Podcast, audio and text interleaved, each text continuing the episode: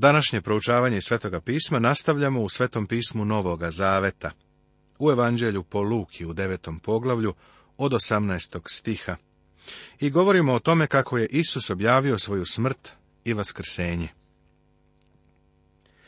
I kad se jednom sam molio Bogu, a učenici bili s njim, upita ih, šta kaže narod, ko sam ja?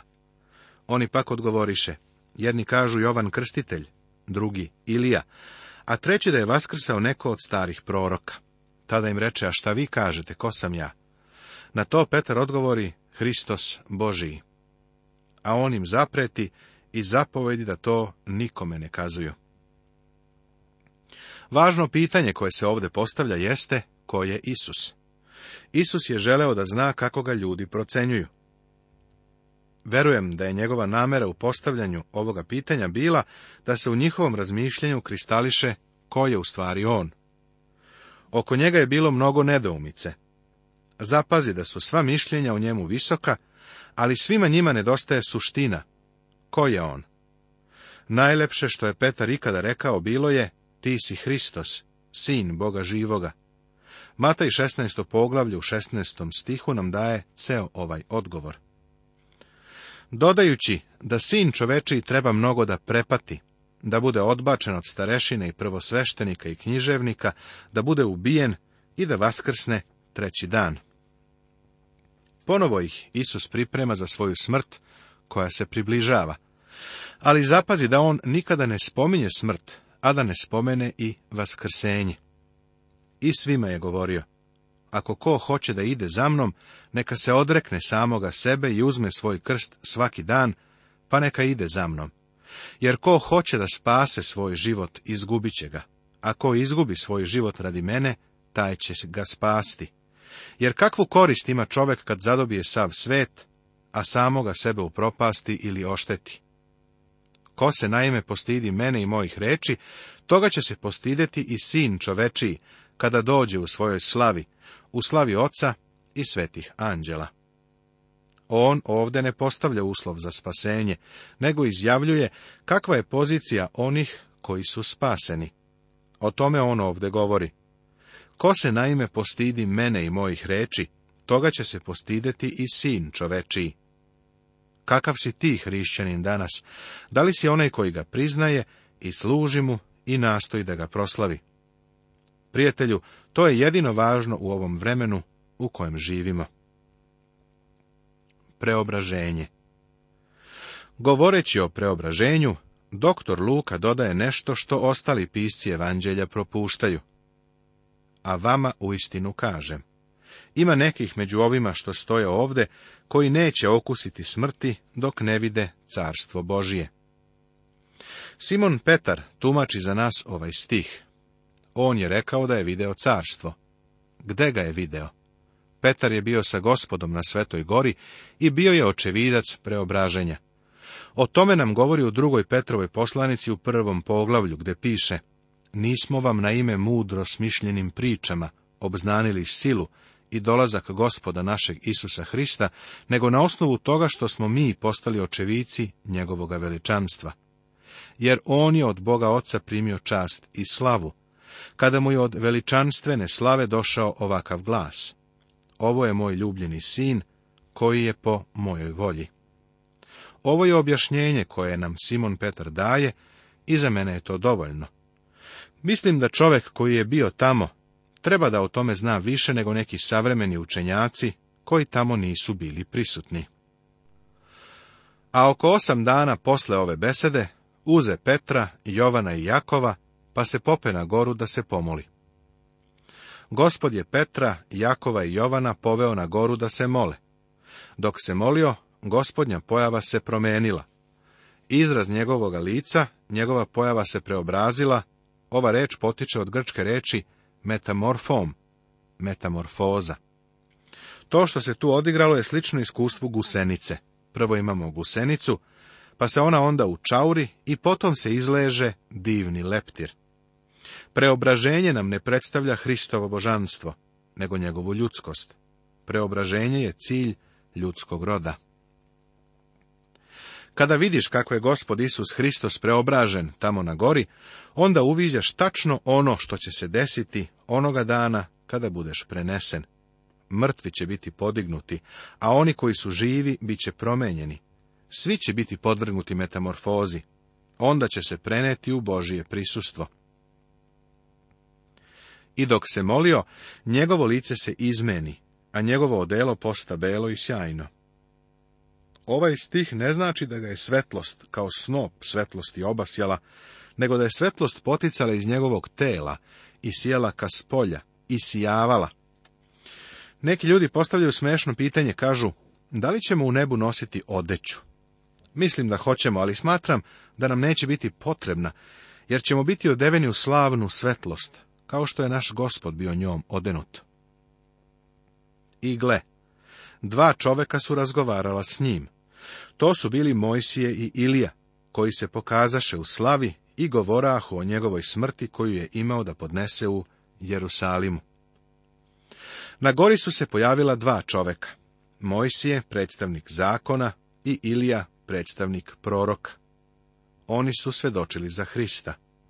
O čemu su govorili? govorili su o Hristovoj smrti koja se približavala. Pavle kaže da evanđelje koje je on propovedao bilo ono za koje su svedočili i zakon i proroci.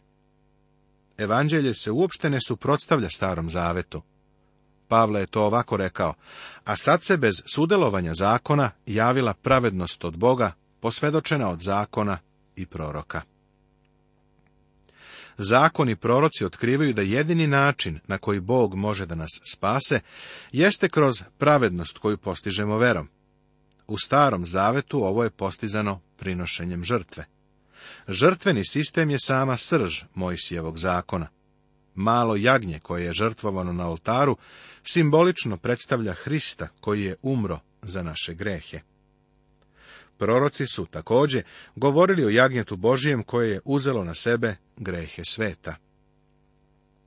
Međutim, Petra i njegove drugove je savladao san. A kad su se probudili, videše njegovu slavu i dva čoveka koji su stajali sa njim. I kad su se oni odvajali od njega, Petar reče Isusu, Učitelju, dobro je da smo ovdje, da načinimo tri senice, jednu tebi, jednu Mojsiju i jednu Iliji, ne znajući šta govori. Dobri stari Simon Petar prosto ima nešto da kaže. Trebalo je o ovakvom momentu da ćuti, ali on baš hoće da govori, a ja pretpostavljam da je mislio kako je baš nešto važno saopštio. Ali Luka dodaje, ne znajući šta govori. Mnogi ljudi, kao Petar, govore pobožne reči, a da ne znaju šta su rekli. Petar je predložio da naprave tri šatora, što Mojsija i Iliju stavlja u istu poziciju sa Isusom Hristom, iako je gospoda stavio na čelo liste. Mnoge antologije navode da su Buda, Muhamed, Mojsije i Hristos osnivači religija. Možda će ti ovo zvučati neobično, ali Isus Hristos nije osnivač nikakve religije. On nije osnovao religiju, on je umro na krstu za grehe sveta. On je spasitelj i zato se mi ne spasavamo religijom, već se spasavamo kroz Hrista. Sećam se kako je doktor Carroll mnogo puta rekao, kada sam došao Hristu, izgubio sam religiju. Mnogi ljudi treba da ostanu bez religije i da pronađu Hrista. I dok je on to govorio, dođe oblak i zakloni ih. I uplašiše se kad uđoše u oblak. A iz oblaka dođe glas koji je govorio, ovo je moj izabrani sin, njega slušajte. I kad je glas odjeknuo, Isus se nađe sam. Oni su pak očutali i tih dana nisu javljali nikome ništa od onoga što su vidjeli. Isus iz jedinca isteruje demona. A kad su sljedećeg dana sišli sa gore, mnogi narod mu iziđe u susret. I gle, jedan čovjek iz naroda povika. Učitelju, molim te pogledaj na moga sina, jer mi je jedinac. Vidi, hvata ga duh, te iznenada viče i rastrže ga tako da baca penu i satirući ga jedva odlazi od njega. I zamolio sam tvoje učenike da ga isteraju, ali nisu mogli. Isus pak odgovori i reče, o neverni i naopak i naraštaju, dokle ću biti sa vama i dokle ću vas podnositi, dovedi svoga sina ovamo. I dok mu je prilazio, obori ga demon i rastrza. Ali Isus zapreti nečistom duhu, te izleči dečaka i dade ga njegovom ocu. I svi su se divili Božjoj veličini. A dok su se svi čudili svemu što je činio, on reče svojim učenicima. Cela ova slika je dobar prikaz današnjice. Isus je otišao u slavu. Njegovi učenici su sa njim. Mi smo ovde dole u ovom svetu, na podnožju planine gde je zbrka, kompromis i nemoć. Danas se svet ponaša kao demonom opsednuti čovek, a crkva je tako reći bespomoćna u prisustvu potreba sveta.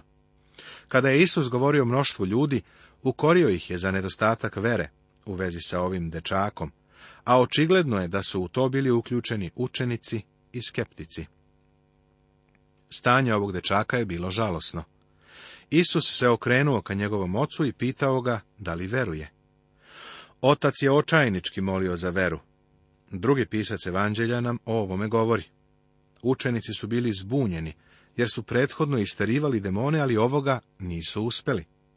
Naš gospod potvrđuje da je ovaj slučaj drugačiji zbog svoje ozbiljnosti. Reč gospodnja je ukorila demona, iscelila dete i oslobođenog ga predala njegovom ocu. Proces istarivanja demona ponovo je otkrio ozbiljnost slučaja. Isus se okreće ka Jerusalimu.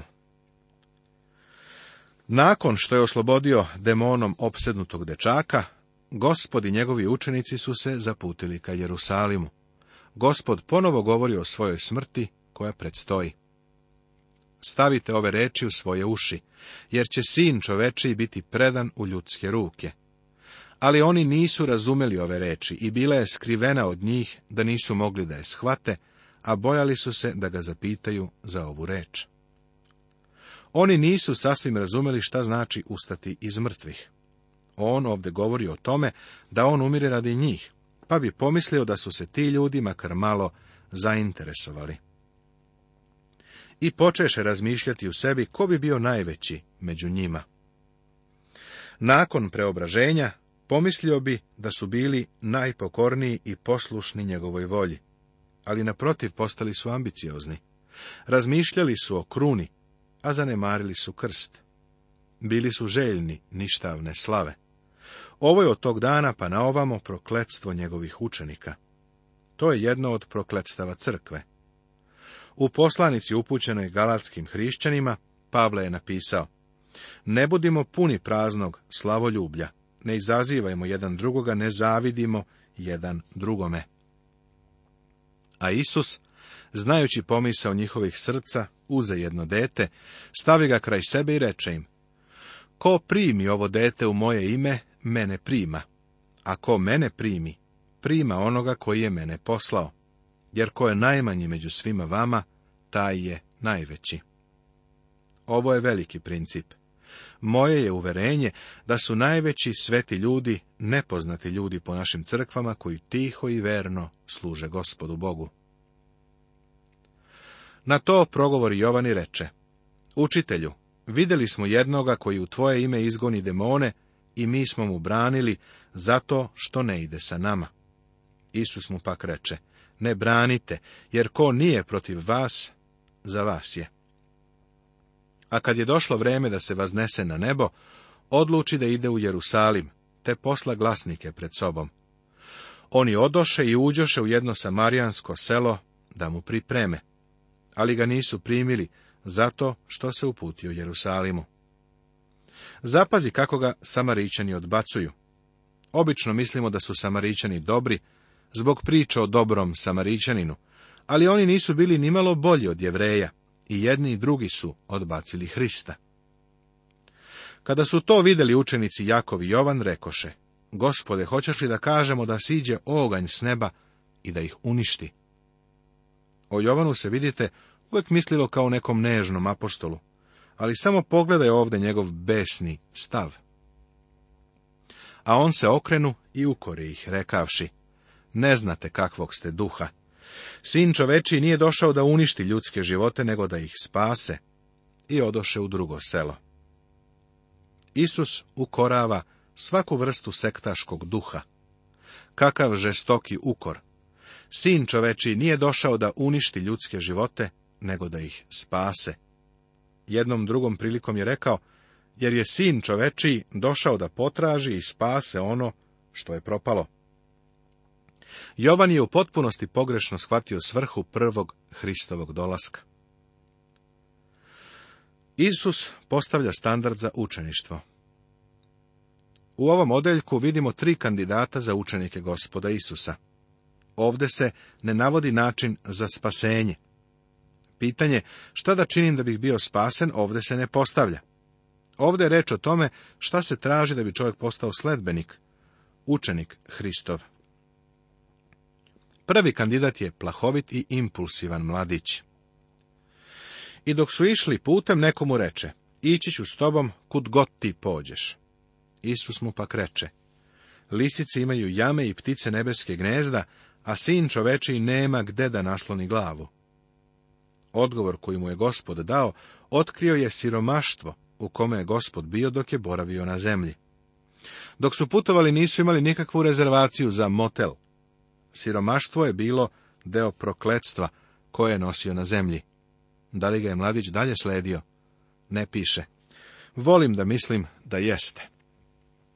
A jednom drugom reče, hajde za mnom. Ali on reče, gospode, dozvoli mi da prvo odem i sahranim svoga oca. Reče mu, ostavi mrtve neka sahranjuju svoje mrtvace, a ti idi i objavljuj carstvo Božije.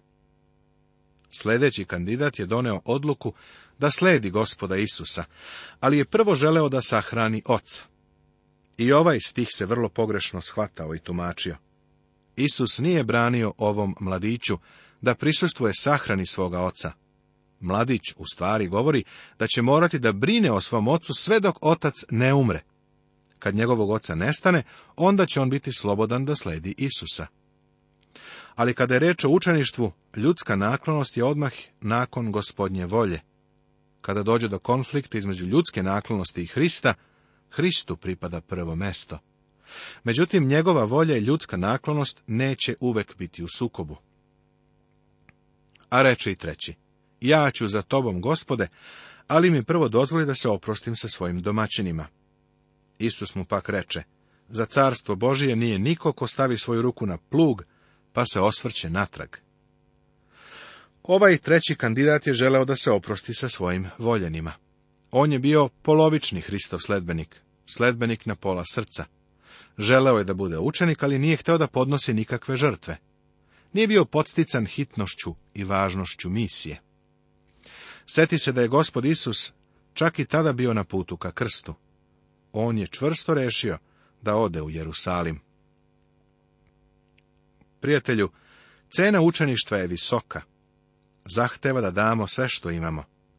Apostol Pavle je napisao, braćo, ja još ne mislim da sam uhvatio, ali jedno stoji, zaboravljam što je za mnom, a pružam se za onim što je predamnom, trčim prema cilju za nagradom na koju nas Bog u Hristu Isusu gore poziva. Poglavlje deseto Parabole karakterišu Lukino evanđelje a u ovom poglavlju je najpoznatija parabola o dobrom Samarijaninu. Poglavlje započinje time što Isus šalje sedamdeset učenika, a u vezi sa tim on izriče sud nad Horazinom, Viceidom i Kafarnaumom. Zatim nam daje divnu parabolu o dobrom Samarijaninu. Poglavlje se završava prikazom Isusa koji je u kući Marije i Marte. Isus šalje sedamdesetoricu.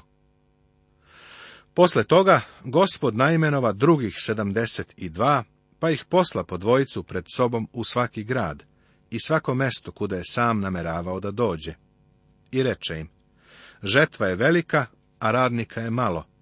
Molite stoga gospodara žetve da pošalje radnike na svoju žetvu.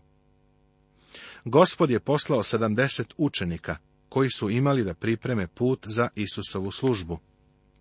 Jedino nam Luka o ovome priča. Ovaj posao je bio namenjen za određeno vreme, a njihova služba je bila privremena, dok je Isus bio na putu ka Jerusalimu. Danas vrlo mnogo slušamo o tome da se treba moliti gospodaru od žetve da pošalje radnike na žetvu, da gospod pazi na svet koji treba požnjeti, a da je naš posao da sakupljamo žetvu. Ovo će ti možda čudno zvučati, ali ja žetvu ne smatram svojim poslom. Moj posao je sejanje. Ako si ikad obrađivao zemlju, znaš da postoji ogromna razlika između sejanja semena i žetve žita nakon sazrevanja semena. Neko ovako razmišlja. Ali gospod je rekao da je žetva velika, da je radnika malo. Moramo imati na umu gde je Isus bio kada je ovo izjavio. U to vreme bio je sa druge strane krsta i jedno doba se primicalo kraju. Na kraju svakog doba je sud. Sud kojim se završava jedno doba jeste žetva, a samo doba služi za sejanje semena. Verujem da mi danas sejemo seme, a da će na kraju ovog doba biti žetva. U paraboli o kukolju i žitu, gospod je rekao, ostavite neka oboje rastu zajedno do žetve, i u vreme žetve reći ću žeteocima, skupite prvo kukolj, i svežite ga u snopove da se spali, a pšenicu snesite u moju žitnicu. Moj posao je da sejem seme, a to je reč Božja. To je zadatak svakog hrišćanina. Nastavit će se.